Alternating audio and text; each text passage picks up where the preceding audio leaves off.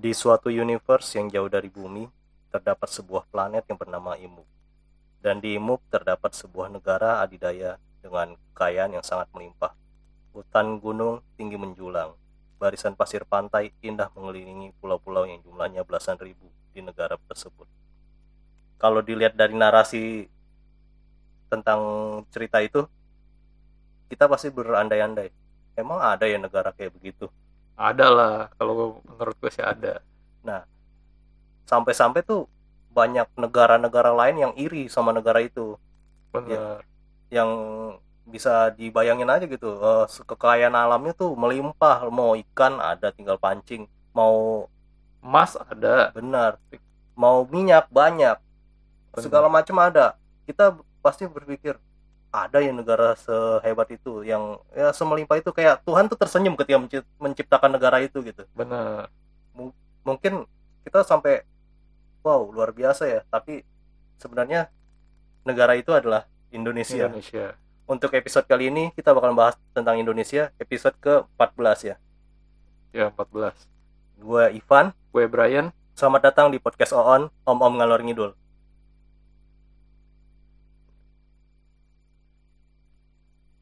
Indonesia sebuah negara yang kalau dikelola dengan baik, gue yakin negara mana sih yang nggak iri melihat Indonesia. Bener, secara kekayaan alam itu mungkin kita cuma apa ya, 11 12 sama Brazil ya kalau ngomongin hutan, ngomongin lain-lain, tapi secara overall kayaknya ini negara yang paling the best deh. Jauh lah, Brazil itu mungkin hutannya banyak, tapi kan dia nggak punya minyak, dia nggak punya emas, nggak nggak tahu sih, tapi yang secara dampaknya, eh secara realnya aja gitulah, yang kita tahu kan, ya Indonesia tuh kekayaan alamnya melimpah, lu mau apa dah, sebutin aja, emas, minyak, Hmm, eh, rempah-rempah, dan, dan rempah-rempah ini yang jadi cikal bakal permasalahan di iya.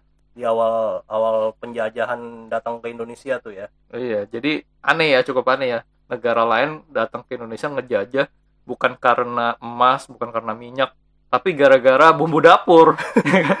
Ya kan zaman dulu itu mungkin eh, Apa di sana mahal gitu kan? memang memang mahal rempah-rempah itu kan mahal kan eh, di Eropa itu sana mahal mungkin mereka tuh taruhan aja taruhan bola tuh taruhan pakai cengkeh Padahal di Indonesia disuruh masak aja dibuang-buang tuh Iya. bumbu tuh. dan mungkin sebenarnya kalau mereka tahu ada emas ya bakal bakal makin gencar lagi. Kayak sekarang Papua itu sampai sekarang kan belum beres tuh perebutannya ya kan? Iya. walaupun katanya oh Indonesia udah memiliki 51% ya tetap aja menurut gua nggak sah. Iya. karena ya ini negara gue masa lu bisa dengan enaknya lu ngatur-ngatur lu punya berapa lu lu berhak berapa lah. Walaupun lu yang ngelola walaupun lu yang gimana gue yakin sih orang Indonesia banyak yang hebat-hebat. Cuman mungkin kalau masalah alat itu kan masalah duit tinggal kita beli alat Iya, kalau masalah masalah sumber daya banyak orang pintar di Indonesia Iya, masalahnya kan di sini yang benar-benar kayak penemu atau apa ya, ilmuwan itu kan jarang diha- ya jarang yang dihargain atau kurang dihargain lah benar gitu. Jadi kan mereka juga eh, ya mereka kan tahu berkarir paling cuma 20 30 tahun mau pensiun dini mau pensiun muda atau pensiun kaya raya ya mendingan mengabdi di luar mungkin banyak Benar, yang berpikir seperti itu kan. ya kalau ngomong-ngomong Indonesia gue pernah denger dari dari papan ya dari bokap kita nih. Dia ngomong lu kalau di Papua tuh ya lu mancing nggak perlu pakai umpan. Lu mancing pakai kayu lu kasih kail dapat ikan. Itu real ternyata kalau kita denger apa lagunya Kus-Plus kan kolam eh, kolam susu ya. Oh, tongkat kayu dan batu jadi tanaman ya itu udah kita lihat di mana-mana tuh Iya. tanahnya subur Iya. banyak di Indonesia tanah yang subur Bahkan kalau lo inget ya, itu gue buang biji jambu sama biji jeruk ya di rumah kita. Iya. Cuma buang doang ke tanah itu jadi pohon. Iya di rumah gue juga gitu gue Ngebuang doang memang gue taro ini gue iseng-iseng ini numbuh kayak alpukat gue taro biji alpukat nggak lama tiba-tiba muncul satu pohon terus eh, orang-orang nanya ini pohon apa ya gue lihat nih ini alpukat yang gue tanam buset Padahal lo nggak ngerawat ya. iya padahal ini bukan tanah yang subur eh, bukan nggak subur-subur amat lah Bekasi yang katanya gersang bisa tumbuh sebe itu alpukat jambu bayangin tuh keren kan Iya, Ya, makanya apalagi nggak heran disebut tanah surga kan. Iya.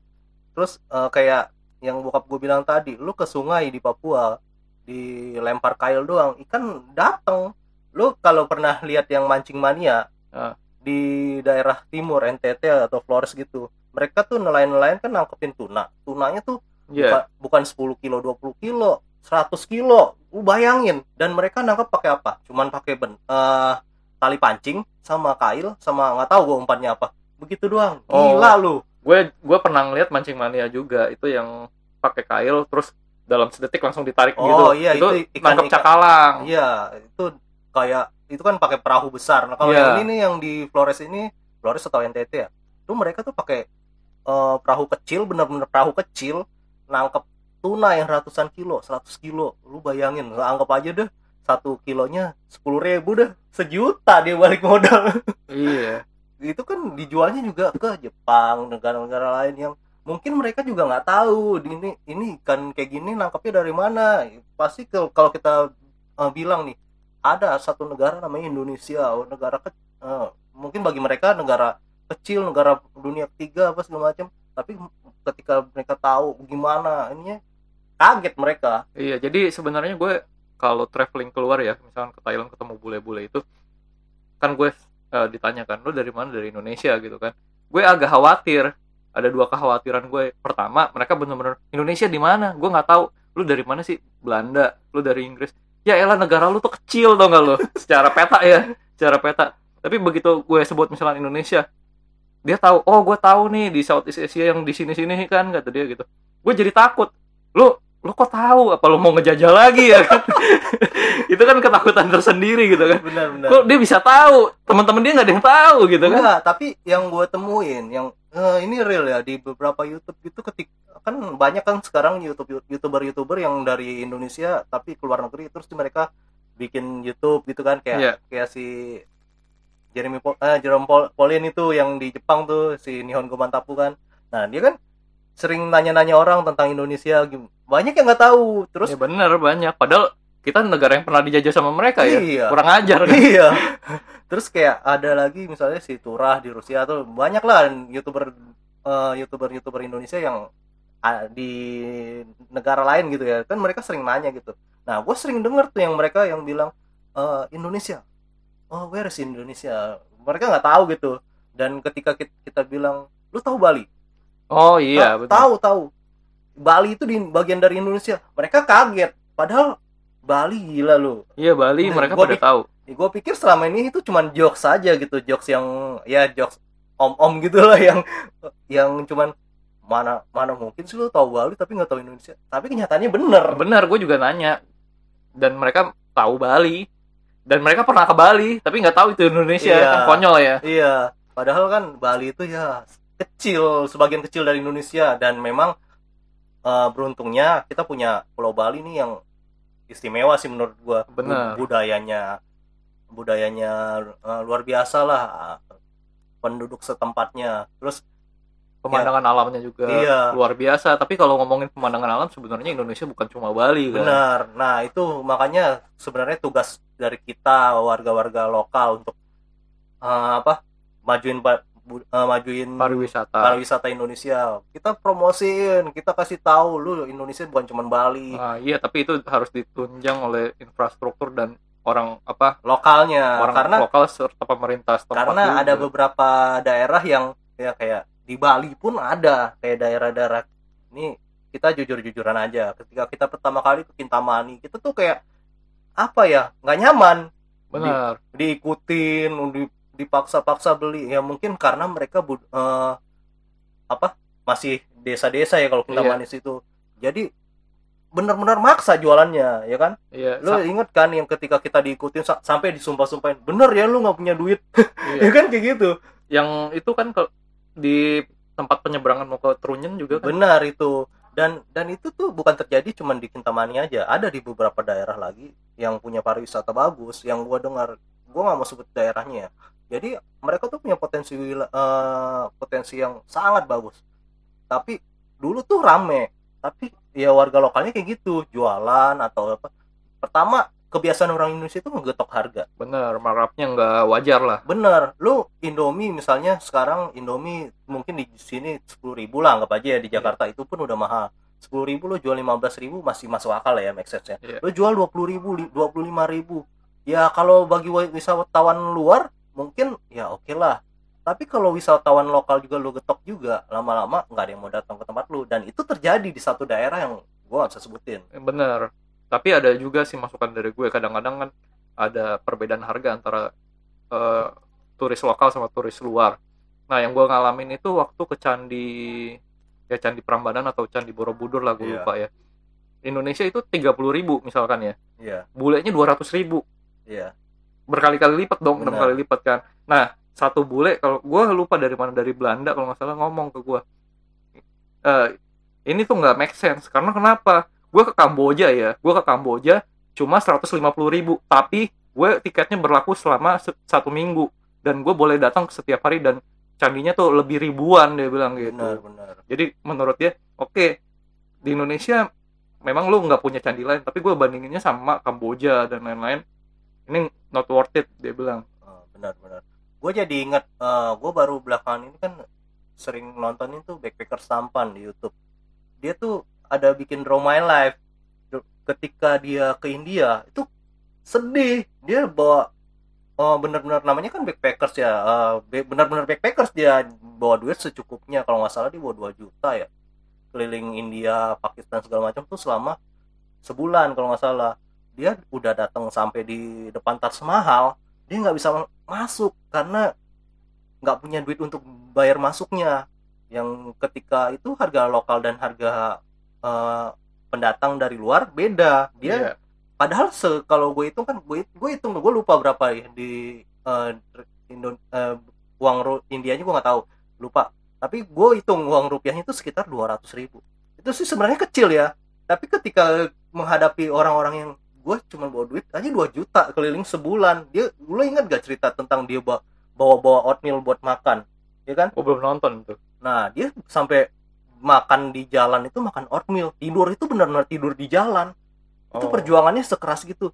Dan ketika sampai depan Taj Mahal yang lu impi-impikan dari lu kecil ibaratnya. Dia kan eh, katanya pe- pengen kelilingin tujuh keajaiban dunia tuh. Salah satunya yang paling dia pengen banget tuh Taj Mahal itu dia datang ke India aja udah perjuangan kan ibaratnya. Iya benar. Gua aja belum tentu mau kalau ke India ya kan?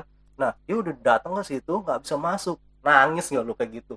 Nah lu bayangin sama yang terjadi ketika orang datang ke Bali ke mana? Ke Lombok ke Manado. Udah datang di dan dimahalin. Rasanya gimana?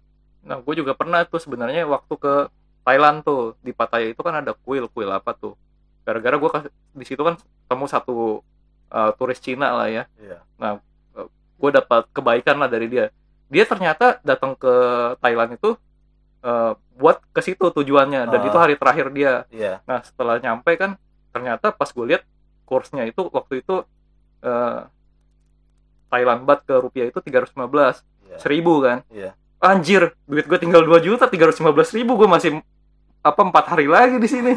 Ya kan gue bilang ya udah lo masuk aja gue nunggu di luar aja kan. Gue terus kata dia ya udah lo, lo kenapa mau masuk gue nggak suka kuil-kuil gini juga cuma 315 ribu buat apaan kan gue Iya. bilang gitu kan akhirnya dia sampai nggak jadi masuk kan gue bilang eh jangan gitu gue nggak enak ya udahlah kita sama-sama masuk akhirnya nggak jadi tuh orang masuk Nah, gara-gara ya gara-gara ngeliat gue kayaknya nih orang nggak ada apa nggak ada ininya nggak ada Nah, itu kurang yang kita cukup. khawatirin. Padahal kan mungkin potensinya di situ. Bener. Kayak, kayak kayak di Bali nih, masih ada satu tempat yang agak susah dijamah sama traveler, yaitu satu satu pura yang terbesar malah di situ, Pura Besaki. Gue udah denger tuh banyak tentang apa komen-komen negatif yang ke sana gitu. kita ngalamin Iya, kita baru tengah jalan udah dijegat diminta duit sama ibu-ibu. Oh, Ini kita fair-fairan aja. Bukan kita ngejelekin, gue tahu itu cuma oknum. Nah, makanya kita kalau bisa tuh bantulah untuk memudahkan pariwisata juga. Memang kadang-kadang juga kita eh, terlalu lebay ya orang Indonesia. Satu tempat bisa ramenya kayak gimana sampai ya nggak tahu aturan gitu. pokoknya kalau lagi Apalagi- viral di iya. situ ke situ semua. Apalagi nyampahnya sembarangan. Itu juga dari kitanya juga harus ini harus sadar diri. By the way kita ngomongin Indonesia ini karena nih eh, ini episode ini direkam di tanggal 16 16 Agustus, Agustus, 2020 adalah hari kemerdekaan kita yang sebenarnya sangat istimewa karena 75 tahun Indonesia merdeka. Benar. Tapi di tengah pandemi kayak gini kayaknya nggak bakalan dibuat meriah-meriah kayak gimana juga sih ya. Sayang sekali sebenarnya. Sayang sekali. Nah oleh karena itu kita bakal bahas tentang banyak hal yang uh, ada di Indonesia yang harus dibanggakan ya kan ya. Yang harus diperbaiki juga. Benar. Nah tadi ngomongin ketidaknyamanan salah satunya nih ya dari bule yang sama yang ngomongin candi di Kamboja itu banyak Iya. dan bisa seminggu gitu tiketnya ibaratnya terusan. Iya. satu lagi ternyata hal yang mungkin lo nggak kira-kira tapi membuat bule nggak nyaman. Apa? Minta foto. Beneran dia sampai bingung kan. Setiap orang gue jalan 10 meter minta foto minta foto kata dia gitu kan. Gue harus senyum gitu. Gue senyum tapi dalam hati gue kesel juga gitu. Kenapa sih lu? Emang kenapa sih kalau ngelihat gue itu kenapa harus minta foto? Gue bukan artis dia bilang gitu ya, kan. terutama kan sejak eh, sosmed merajalela di mana-mana ya. Jangan kan sosmed merajalela zaman dulu aja deh yang cuma pakai kamera kamera tuh style ya ibaratnya. Iya. orang tuh kayak ketemu bule tuh ya suatu hal yang asing. Gitu tuh kayak seneng gitu ketika kita bisa foto sama bule nggak tahu karena apa ya. Padahal mah dia manusia biasa. Makanya. Dan yang lucunya kadang-kadang nih orang-orang yang yang bahasa Inggrisnya masih biasa-biasa aja atau masih kurang ya dengan enaknya manggil-manggil Mister, Mister, semua dipanggil Mister, cewek dipanggil Mister, anak kecil dipanggil Mister. ya kan, ya itu juga harus ya kalaupun kita nggak bisa bahasa Inggris nggak usah bodoh-bodoh amat lah. Belajar gitu dikit-dikit nih kalau manggil manggil ya nggak semuanya Mister gitu ya kan. Kan ya itu kayaknya tata krama yang paling dasar deh ya. Iya. Tapi eh, kalau nggak mister apaan ser gitu. Ser ser ya selain itu yang paling gendekin nih zaman sekarang ini nih over proud. Indonesia itu ya gue tahu Indonesia itu banyak orang-orang bertalenta banyak tempat-tempat indah banyak ya memang banyak yang harus dibanggakan dari Indonesia. Cuman nggak usah over proud lah. Bener lu kalau lihat di YouTube YouTube eh, terutama nih ya kayak Alif Bata wajar dia keren canggih main gitarnya luar biasa itu orang ya. Bahkan musisi-musisi dunia itu mengakui bagaimana kerennya dia permainannya. Cuman yang bikin gua gendek tuh over orang-orang yang komen-komen itu orang-orang Indonesia tuh pada over proud ketika ada satu bule komen oh very well. From misalnya from Germany kan orang Jerman terus ada aja yang nyeletuk Jerman Jerman bahasa lu aja belepotan ya kan? Ngata-ngatain. Oke. Terus ada lagi yang oh yes Indonesia is very well. Ya biasa aja kali nggak usah ini ngomongin si Alif Bata nih. Iya. di kontennya. Iya nggak usah lebay. Maksudnya dia emang jago cuman kayak lu tuh nggak nggak menolong apa-apa jadi malah bikin ih Indonesia kok begini amat ya? Ya sama sih di beberapa negara lain juga banyak yang over proud bener. Cuman kita jangan jadi norak gitu ketika ada konten-konten tentang Indonesia lu lebaynya luar biasa ya kan?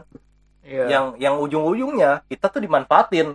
Lu sadar nggak kalau di YouTube itu Indonesia tuh banyak dimanfaatin? Bener, gue lihat sih kadang ada orang nge-review eh apa videonya Alif Bata doang, bener kontennya itu, tuh sampai ya kan? ribuan jutaan, Iya. gila, kan ngeselin. bener itu kan jadinya kayaknya si Alif Bata ini bener-bener dimanfaatin orang untuk cari duit yang Iya. padahal tadinya eh, dia viewernya cuma berapa ya kita itu rezeki dia sih memang cuman karena orang-orang Indonesia ini over proud ya begitu hasilnya Ya kalau kali batanya sih gue nggak nggak masalah karena dia yang buat karya, tapi masa Ah. orang yang nge-reviewnya bener jadi dapat iya banyak duit iya ibaratnya. it- bener sih itu rezeki dia itu Cuman- pelanggaran hak cipta sih menurut gue. Iya, jadinya kayak di di expose habis-habisan Alif Bata, tapi yang ngelakuin orang lain yang sebenarnya apa ya orang biasa komen cuman gara-gara ya ampun. Terus salah satu overproud yang merugikan kita kan misalkan youtuber luar nyanyi lagu Indonesia kan, iya.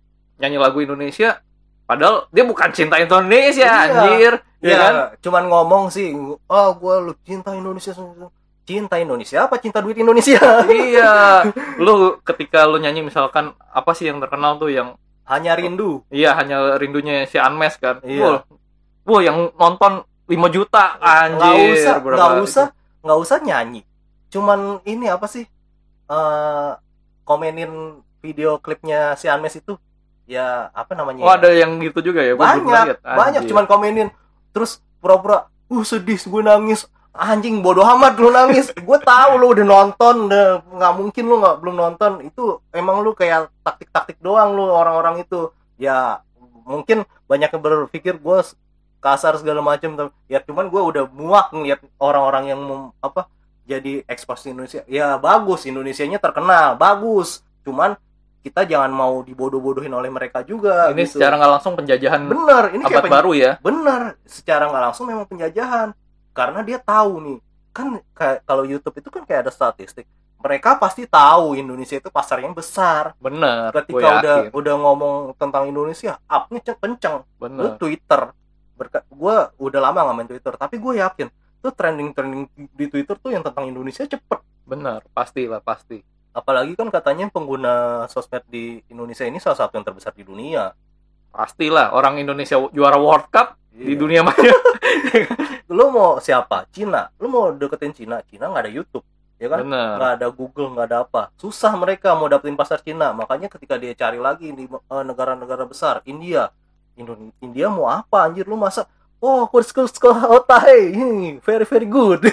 Mungkin aja ada iya, ya kan? iya, mungkin, sih. Cuman kan eh, netizen di sana mungkin nggak sebarbar di sini gitu. Bener nah itu yang jadi apa pemikiran gua tuh over proud kita nggak usah over, over proud bangga wajar keren. Wah, emang keren banyak or, youtuber youtuber keren di Indonesia. Banyak prestasi-prestasi keren di Indonesia. Tapi kita juga jangan mau dibodohi oleh orang-orang luar Ki- secara nggak langsung kita dijajah duitnya ke mereka. Kita dapat apa? Kecuali mereka apa ada give back segala macam kagak ada yang selama ini gue lihat gitu Nah, over proud ini juga ngomongin over proud ini sebenarnya ada juga dari segi keilmuan kalau menurut gue ya Hmm. kadang-kadang gue masih nemu tuh browsing misalkan browsing ada yang ngebangga-banggain Indonesia ya bagus memang lo harus bangga dengan negara lo de- dengan lo pu- harus punya nationality nasionalisme yang bagus gitu Ah. tapi kadang-kadang ada yang over lebay itu misalkan Indonesia adalah negara kepulauan terbesar di dunia atau negara dengan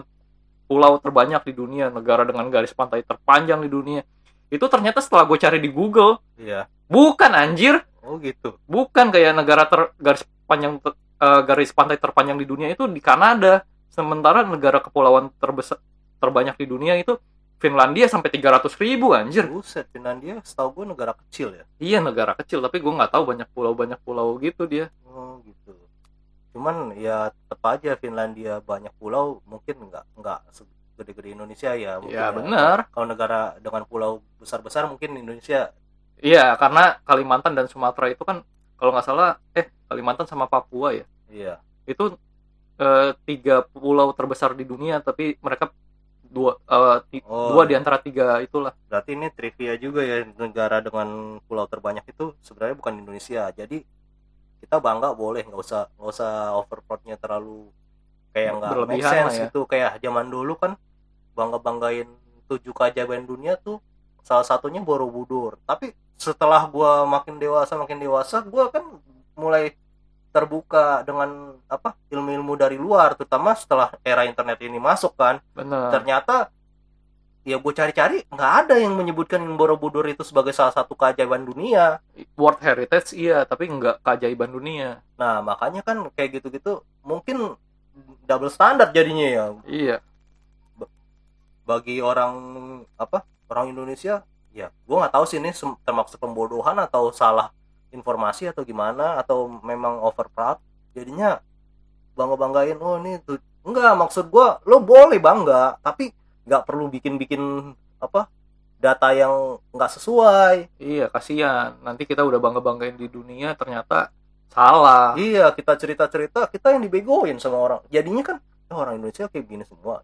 Kan enggak banyak orang In- Indonesia yang pinter-pinter. Banyak lah salah satunya ya bapak proklamator kita lah pak Pak Soekarno. Itu kalau kan zaman dulu gue PPKN ya pelajaran PPKN kan disuruh ngafalin seluruh pasal tuh dari pasal Iya. 1 sampai pasal 30 berapa lah gue lupa.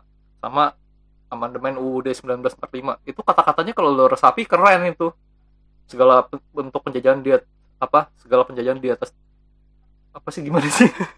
Iya pokoknya begitulah. Penjajahan di atas dunia itu harus dihapuskan. Pokoknya kan kayak Ah. gitu kan. Segala bentuk penjajahan di atas dunia harus dihapuskan. Itu kan keren gitu. Ah, benar. Terus kayak Pancasila isinya juga keren-keren. Butir-butir Pancasila itu Iya. juga keren-keren ngomong-ngomong soal apa orang Indonesia pinter banyak kayak bapak almarhum B.J. Habibie itu siapa sih nggak kenal dia gimana cerdasnya dia gitu ya kan? Bener. Ya masih banyak lah bahkan di pedala- pedalaman pun kayak Papua sebenarnya banyak banyak potensi cuman infrastruktur segala macam tuh menyebabkan keterbatasan untuk segala macam. Kayak sekarang ini deh orang WFH eh WFH belajar dari rumah apa tuh namanya? Online school eh, online learning lah. Iya gitu. Kan yang kasihan yang kayak gitu-gitu yang di daerah-daerah tertentu yang jadinya terbelakang gitu ibaratnya. Jangankan daerah tertentu Jakarta aja ternyata tuh masih banyak yang satu handphone dipakai abang ade iya kalau berdua. Kalau bertiga kalau berempat berdua aja udah ribet gantian handphonenya. Belum bapaknya ntar dulu gua mau jual pulsa atau apa ya kan bener ya Eh, bener juga itu kasihan itu nah makanya sebenarnya potensi Indonesia itu sangat besar Iya, gue percaya sih sangat besar kan di awal udah kita sebutin tanah tanah surga, iya, kekayaan alam apa pun ada. iya. Cuma tinggal sumber daya manusianya aja dikembangin supaya bisa selevel sama Amerika, Cina dan lain-lain gitu kan. Benar. ngomong-ngomong tentang Indonesia nih kita eh, ke topik kita juga nih yang hari kemerdekaan Indonesia. 75 tahun lalu Indonesia tuh merdeka. Lu bayangin ya rasanya tuh gimana ketika pertama kali dengar merdeka gitu. Eh, waktu itu merdeka dari Jepang ya. Iyalah dari Jepang. lu kepikiran nggak sih Jepang negara kayak gitu ibarat ya, Negara Jepang kecil sih ya. ternyata nggak kecil-kecil amat ya. Jepang itu salah satu negara besar juga ternyata. Nggak, Nah. tapi gue bingung ngomong-ngomongin negara penjajah itu kan ya memang mereka ngejajah karena negara mereka terbatas. Tapi kan kecil-kecil ya Iya. jadi gue bingung gitu satu konsep penjajahan itu gimana? Mereka bisa datang gitu misalkan 5000 orang lah ya iya. di tanah Jawa itu misalkan ada penduduk 3 juta orang kok bisa ngejajah? Lu takut takutnya 3 juta orang sama 5000 orang itu gimana gitu loh? Iya itu juga yang jadi pertanyaan gue sih. Ketika di nah makanya kan kita ngomong-ngomong nih kan negara-negara yang penjajah itu kayak Prancis Inggris Belanda. Belanda Eh, Belanda itu cuma ke Indonesia Spanyol. doang kayaknya deh. ya Spanyol Portugal. Kan negara-negara yang lebih kecil daripada negara yang dijajah dia. Kayak eh, Portugal ngejajah Brazil. Lu bayangin Brazil itu salah satu negara terbesar. Belum lagi dia terdampar di Amazon. Ketemu anaconda. Belum lagi. Kayak Jepang ngejajah Cina ya kan? Iya. Kan bingung. Iya. Cina rakyatnya banyak. Iya. Lu ya sama-sama sipit. Bedainnya gimana juga gue bingung kan?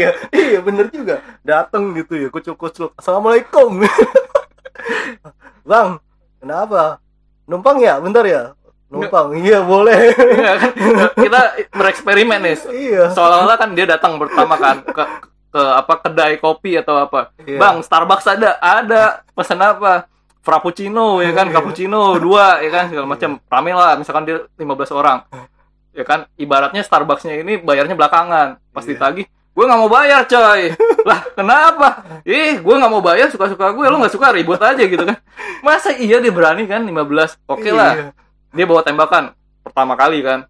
Wah pas besok datang lagi ya datang lagi makan gratis lagi. Ya kan gitu kan. Iya. Ya kan? Oke lah dikasih gratis lagi. Terus kalau selama seminggu berturut-turut pasti mereka kan mikir kan. Ini kalau besok si bangsat ini datang lagi kita harus ngapain ya kan?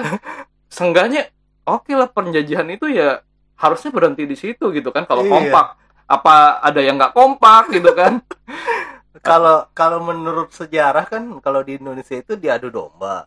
Bener Indonesia itu gampang banget diadu domba. Kelihatan sampai sekarang aja nih udah 75 tahun merdeka ketika ngomongin politik udah perang. Bener. Jangankan politik, kayak gue berkali-kali bilang, Indonesia lu mau bubarin, kasih Mobile Legend. Makanya Mobile Legend itu paling laku di Indonesia.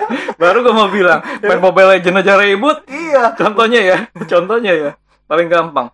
Itu lima lima orang. Roll kan ada enam ya. Udah kayak harus komplit.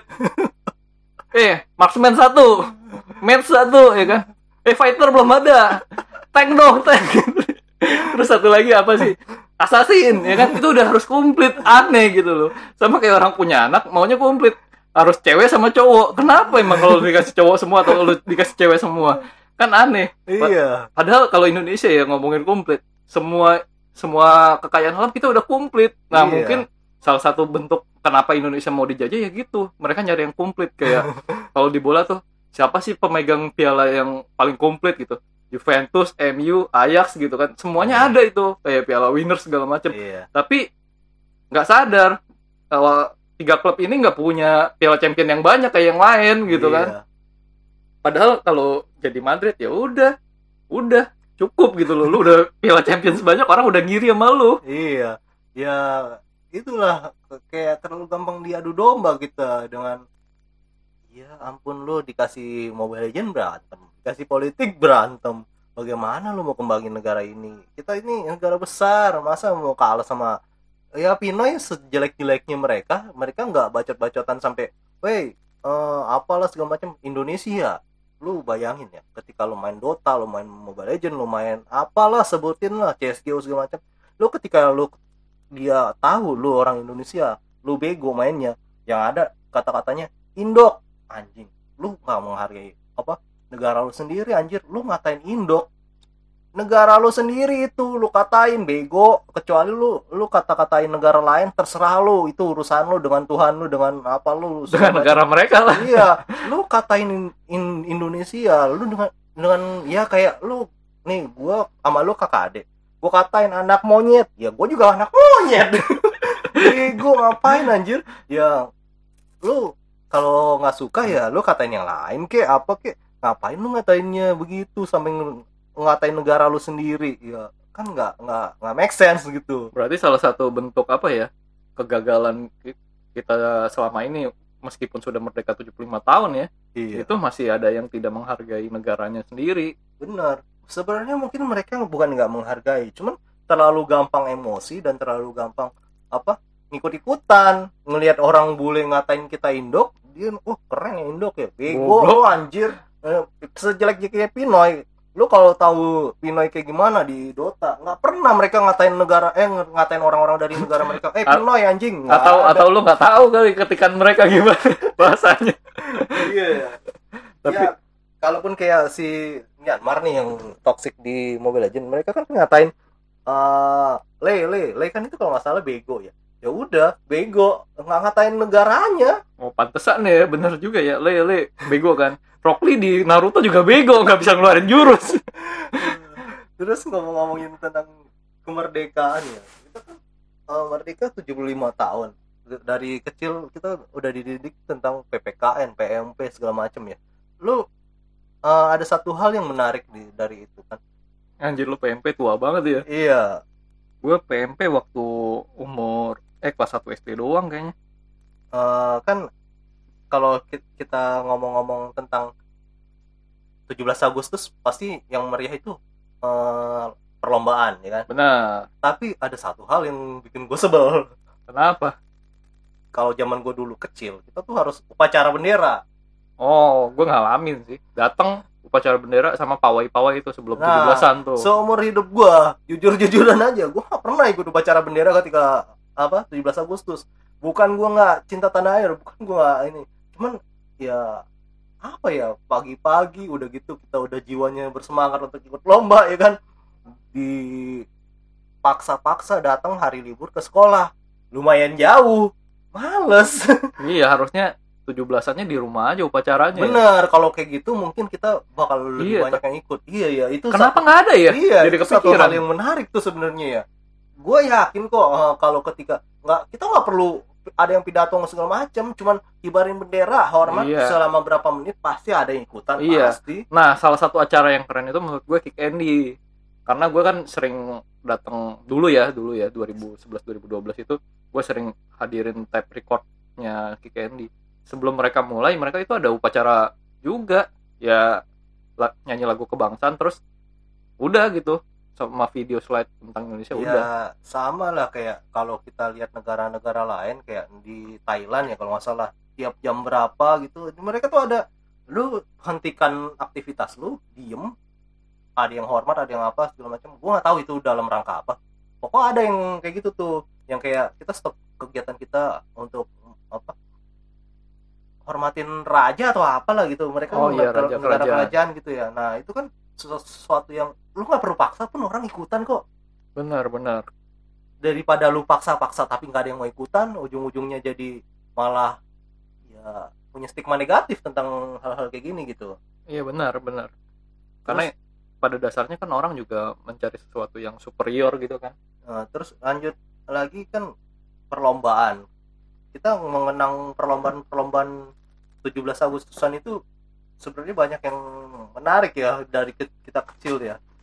Eh, yang paling umum kan makan kerupuk yang diikat di tali gitu ya kan. Iya. Terus panjat pinang. Itu panjat pinang gue seumur umur cuma ikut sekali tuh. Nggak bisa gue manjat kayak gitu. Nggak dikasih minyak aja nggak nggak manjat. Tapi gua kalau gua paling gua demen itu yang lomba masukin paku ke dalam botol. Gue juara mulu dua detik gue udah cukup. Setiap tahun itu gue dapat buku tulis dari situ lah pokoknya Ya, terus ada lagi kan kayak yang lucu itu yang semangka dilumurin oli terus dikasih koin. nah itu gue nggak dapet dapet tuh. Itu menarik tuh lucu gitu kan. Apa muka udah hitam-hitam. Sayangnya zaman zaman dulu tuh sosmed tuh jarang. Jadi eh bukan jarang belum ada. Jadi posting-posting hal kayak gitu nggak ada. Sekarang sosmed sosmed, sosmed ada perlombaannya yang jarang. Gue udah hampir nggak pernah nemuin itu perlombaan perlombaan ada pun jarang-jarang lah gitu. Kalau kayak dulu kan lu setiap jalan berapa meter ada. Berapa meter ada. Apa karena gue tinggal nggak di perkampungan lagi? Tapi nggak juga sih. Karena di daerah-daerah kayak tempat lu mungkin ya masih banyak Iya. cuma nggak sebanyaknya waktu kita kecil mungkin kan? Iya. Nah entah itu rasa kita- nasionalisme yang berkurang atau iya gimana? atau kesibukan kita yang lebih meningkat jadi kita nggak peka lagi. Itu kan eh, sebenarnya perlombaan-perlombaan gitu lumayan menghibur gitu kayak eh, kalau sekarang kan kebetulan nih hari hari hari ini nih liburnya banyak nih ya kan bener sampai senin nih Nah, kalau yang zaman dulu kan sering-seringnya kan cuma sekali, misalnya di tengah-tengah Rabu, itu kita tunggu-tunggu tuh untuk Iya. hari itu.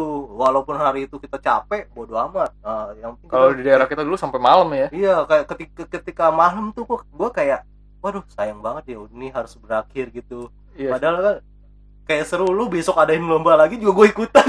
ada nggak lo apa yang lo inget nih ya? Gue salah satu lomba yang seru itu tau nggak lo? Joget yang pakai jeruk gitu loh yang dua orang. Iya. itu, itu itu kocak kan itu kan yang boleh kan anak-anak lumayan gede kan. Iya. sama bapak-bapak ibu-ibu. Kan gue waktu itu masih kecil gue nonton itu kocak loh sampai ke mata turun dari ke mana. Iya, itu kocak loh. itu kan sampai apa kadang-kadang misalnya si A lagi dekat sama si B, wah dideketin tuh, di, dipasangin, wah mantap punya dia nih. Kayak nunggu-nunggu, wah gua gua sengaja sengajain jatuhin biar gue bisa cipok dia nih. goblok kan biasanya gitu kan orang pemikirannya kan. Nah, ada yang lucu yang kalau udah cowok ketemu cowok. udah aduh udah bau nafas sama segala macam ya itu emang perlombaan-perlombaan 17 itu sebenarnya dibuat untuk menghibur kita gitu iya sama kul kendi kan juga ya. Iya. Kadang ya kalau kayak gue kan orangnya soto ya kalau tahu perasaan gue udah lurus nih ya kan. Kok lu kanan kanan mulu sih? Kanan kanan. Wah gue dikerjain temen gue nyebur gak ya, ya kan. Padahal kan nggak ada yang jahat juga temen gue Eh, ya kan. tapi ada yang cebur ke got bener. Iya kan. Tapi kan untuk untuk ilustrasi nih kalau eh, pukul pukul kendi itu jadi ada kendi digantung diisi air nanti kalau bisa berhasil ada uangnya. Iya dan mata kita ditutup untuk mukul kendi itu. Sebelum Kayak- di sebelum eh ditutup dan diputar tiga kali kan Iya. kitanya badannya. Jadi kan kita udah agak oleng tuh ya Iya. kan? Jalan lurus aja tuh susah. Emang jalan lurus itu susah makanya Ah. lebih banyak jalan menyimpang. Nah pas kita merasa lurus jalan kan pelan pelan tuh. Selangkah bukan se- selangkah setengah langkah setengah langkah. Iya. Ini kayaknya udah nyampe nih kan temen kiri kiri kan maju lagi. Wah itu teriakan banyak kan. Kiri kanan. Lurus ya kan. Wah udahlah gue feeling aja. Gue tepok ya kan. Untung nggak kena orang kalau kena pala orang. Iya. akhirnya gagal kan. Iya, jadi eh, yang kayak gitu suasana yang kita rindukan sebenarnya. Lu jujur-jujuran aja lu udah gede mau kayak gimana juga ngeliat kayak gitu. Seneng. iya gue kalau sekarang ada yang ngadain lomba gitu ibaratnya. Gue berani lah nyumbang lah walaupun gak seberapa juga. Iya, ya kan buat nyenengin anak-anak kecil aja bener. Kayak dulu kita kecil pasti kita mikir orang ngapain ya ngasih-ngasih duit hadiah ini dari mana? Ternyata ya kita tahu sekarang ketika, ketika kita udah dewasa tuh kita udah bisa, udah bisa cari duit. kita tahu nih duitnya dari mana ini eh, kenapa orang mau nyumbang ya kan iya terus yang pasti bukan giveaway dari YouTube nah terus nangkep lindung juga ada iya terus kayak ada yang dimodif-modif sekarang ada yang tuh yang balap karung. Anak kecilnya tuh dimasukin ke dalam karung oh iya dipakein helm. Iya. Zaman dulu balap karung nggak gitu. Itu udah kayak apa? Udah kayak cebong. Eh terakhir terakhir gue udah SMP apa SD SD kelas 5 kelas 6 tuh ya. Nah, ada juga main futsal 3 lawan 3 gawangnya kecil banget tau nggak lo? Iya. tapi mainnya pakai sarung itu kan ngeselin ya. Lu main pakai sarung gimana larinya lo mending kalau sarungnya kagak dililit sampai kenceng. Sampai kenceng. Jalan aja susah disuruh main futsal. Ya perlombaan-perlombaan yang sekarang-sekarang men- ya banyak yang menarik lucu gitu. Makanya kan harusnya kayak gini tuh dibudidayain. Maksudnya di, kok dibudidayain ya? Apa ya? Dikembangin ya dipertahanin agar anak cucu kita tuh tahu nih dia- dari zaman dulu nih ada nih kayak beginian nih yang bener. jadi kita tuh ketika tanggal 17 Agustus kita nunggu-nunggu. Anak sekolah sekarang gue nggak yakin mereka masih nunggu-nunggu hal Iya, jangan-jangan- 17 Agustus. jangan-jangan lombanya Mobile Legend. Ya kan? Siapa Iya. yang juara di RT sini ya kan? Lagi-lagi kita dijajah Mobile Legend. Iya. Padahal kan waduh perlombaan zaman dulu itu lebih menarik lah lebih iya. eh, apa melibatkan banyak orang jadi lebih saling mengenal juga. Tuh kadang-kadang orang kampung mana yang kita nggak kenal kan RT-nya beda boleh main benar di RT kita jadi kita kenal Iya, ket- ketika kita ada masalah di kampung itu kita bisa Iya. minta bantuan. kadang-kadang malah dibantuin kan Iya. eh kenapa kenapa eh jangan Iya. dia saudara gue Iya. saudara gimana sih lu ya kan lu aja misalkan mohon maaf dia orang Batak gue orang Cina ya kan tapi ya itulah namanya rasa persaudaraan kan nggak Iya. memandang suku Bener, itu kental banget ketika kayak gitu zaman dulu ya. Walaupun gue Cina, gue tetap banyak temen orang-orang bah- bahkan sampai sekarang kalau mau dihitung. Mungkin teman-teman gue yang Cina, bener-bener Cina mung- mungkin 20% iya benar yang pribumi 80% dan mereka itu saling menghargai sama kita. Oh memang kita manggil, mang- ada juga yang manggil-manggil, "Eh Batak, weh Cina segala macam." Walaupun jarang ya, tapi tetap kita nggak tersinggung. iya non, non taken lah kayak gitu Iya. Nah, makanya nih eh ke depannya nih harapan kita nih Indonesia nih makin maju karena udah kelihatan sih kita- sebenarnya kita tuh punya potensi yang sangat besar. Bahkan kita sempat jadi macan Asia. Orang Bener. takut sama Indonesia. Iya. Mak kenapa sekarang taring kita hilang? Iya, sa- sampai-sampai kan zaman dulu kan Indonesia dibanggakan tuh katanya kalau keluar negeri kata guru-guru yang kaya lah ibaratnya keluar negeri oh dari Indonesia orang hormat lah terus iya. orang sungkan terus dari segi pendidikan juga orang dulu katanya dulu itu orang-orang Malaysia kuliah ke Indonesia itu bangga eh kenapa sekarang sebaliknya Iya. orang Indonesia kuliah ke Malaysia yang bangga gitu kan Iya. berarti kan degradasi mutu dari Iya. kita gitu atau Nah. mereka yang berkembang lebih pesat dari kita Iya kan sekarang ini kan kayak YouTube itu kita mulai mulai merajai ini ya Indonesia ya dengan kayak Alibata segala macam. Nah, sekarang kita berjajah mereka nih. kita kasih tuh yang apa yang bagus-bagus. Kita kasih konten-konten bagus, bukan giveaway dari artis-artis yang bukan bukan cuman apa ya prank-prank gak jelas gitu. Kasih konten-konten bagus. Kayak eh, kontennya backpackers tampan buat yang belum pernah nonton boleh nih ditonton di YouTube backpackers tampan gua gua rekomenin itu channel karena itu salah satu channel yang channel fotografi traveling. Iya Pokoknya- yang kasih kita lihat betapa indahnya Indonesia itu Iya, karena dia bukan cuma traveling keliling dunia tapi keliling Indonesia juga. iya berkali-kali dia di apa dikontrak dikontrak sama apa sih eh, pariwisata Indonesia Dewan Pari Dewan Pariwisata Indonesia bahkan di luar juga dia dikontrak kalau nggak salah Libanon eh, Jordania yang gua Jordan. Jordan ya Jordan segala macam Malaysia segala macam Bahkan salah satu traveler dunia juga pernah hire dia kan. Iya, makanya itu wajib kalian tonton. Jangan cuma nonton dari McQueen lah yang orang luar, ap- siapa segala macam lah yang backpackers backpackers luar yang numpang makan di Indonesia karena kita tahu makanan Indonesia ini sangat beragam. Ada kan youtuber yang terkenal tuh yang Indonesia yang makan-makan tuh siapa? Carlos siapa tuh? Next Carlos. Nah, Next Carlos. Nah, itu gue pernah ketemu tuh rupanya tuh di apa? Di Central eh, bukan Central Park, apartemen medit dekat Central Park kan. Nah, Kan kantor gue dekat situ. Gue Nah. lagi makan. Gue nggak tahu Next Carlos itu siapa dan mukanya kayak siapa kan gue gak, tahu. Ini orang siapa sih di YouTube? Dia pede kan suasananya lagi sepi. Dia pakai peralatan-peralatannya tuh profesional banget tuh YouTube. Sama gue ya elah. Ini kalau orang over proud gue malah meremehkan ya. Siapa sih ini orang? So pede banget youtuber terkenal kagak ya kan? Pede banget. Oh makanan ini pokoknya nge-review lah ya kan?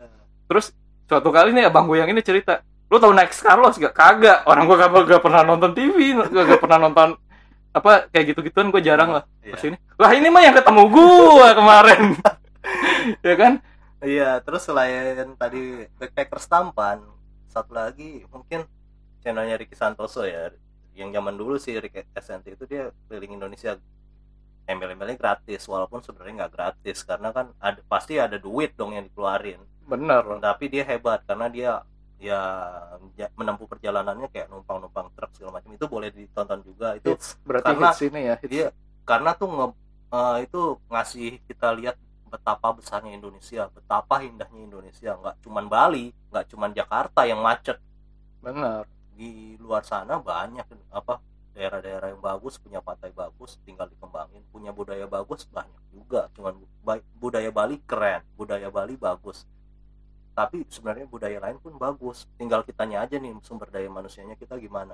Kan banyak bahkan ilmuwan-ilmuwan yang ketika bicara tentang Atlantis dunia yang hilang ya kan lu tahu Iya. Atlantis kan dunia yang Iya. hilang tempatnya Aquaman tuh itu kan eh, canggihnya bagaimana pada zaman itu ya kan gue taunya Atlantis itu ancol ya Atlantis itu kan katanya punya eh, kecanggihan gimana jangan-jangan itu sebenarnya Indonesia kan banyak juga yang bilang eh, Atlantis itu ada berbagai versi lah. Ada muncul eh, di daerah-daerah Bermuda atau daerah-daerah ya sono lah mana lah gitu. Tapi salah satu yang di ini kan Indonesia. Mungkin itu Atlantis itu Indonesia gitu.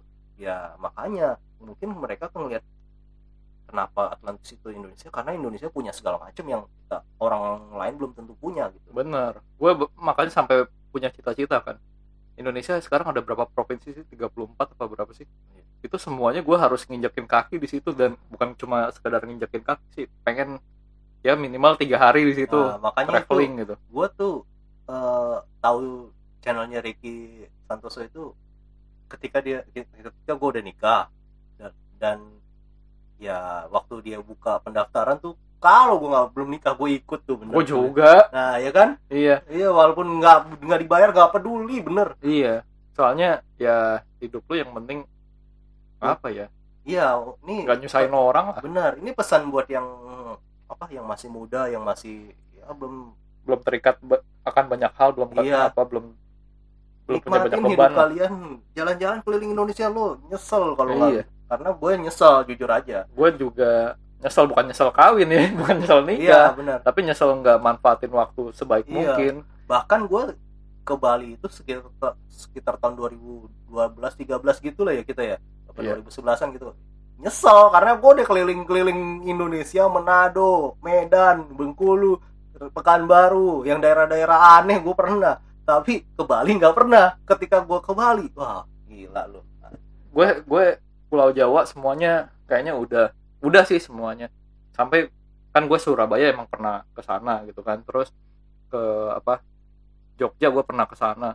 Nah Semarang kan yang nggak pernah. Saking gue gue bilang kan gue harus nginjekin kaki tanah di sana gitu kan. Iya. pas kereta gue nyentuh di sana term- eh, stasiun Semarang. Gue nginjek seenggaknya tiga detik. Bodo amat. Tapi gue akan ke sana sih gitu. Ya paling dari kita segitu aja ya Ja- eh, jangan over proud ya. Eh, kita majuin Indonesia ya, kita promo- ciptakan karya. promosiin Indonesia wajar cuman gak usah over proud gitu. Eh, kasih tahu betapa hebatnya Indonesia gitu. Kalau kita belum bisa berbuat banyak ya berbuat aja sekecil apa yang lo bisa gitu. Benar. Yang penting lo terus bergerak aja. Iya itu aja kali dari kita ya untuk Iya. episode kali ini. Kalau dari kalian gimana? Apa yang bisa kalian banggakan dengan Indonesia kirim komen kalian ke kita di at at eh at om om ngalor ngidul lewat Instagram kita at om om ngalor ngidul atau di email kita om om ngalor ngidul at gmail.com terima kasih untuk yang udah mendengarkan. Selamat ulang tahun Indonesia yang ke-75 tahun. Ya. sukses terus jaya terus makin perkasa di dunia ini. Thank you buat thank semuanya you udah yang mendengarkan. Ciao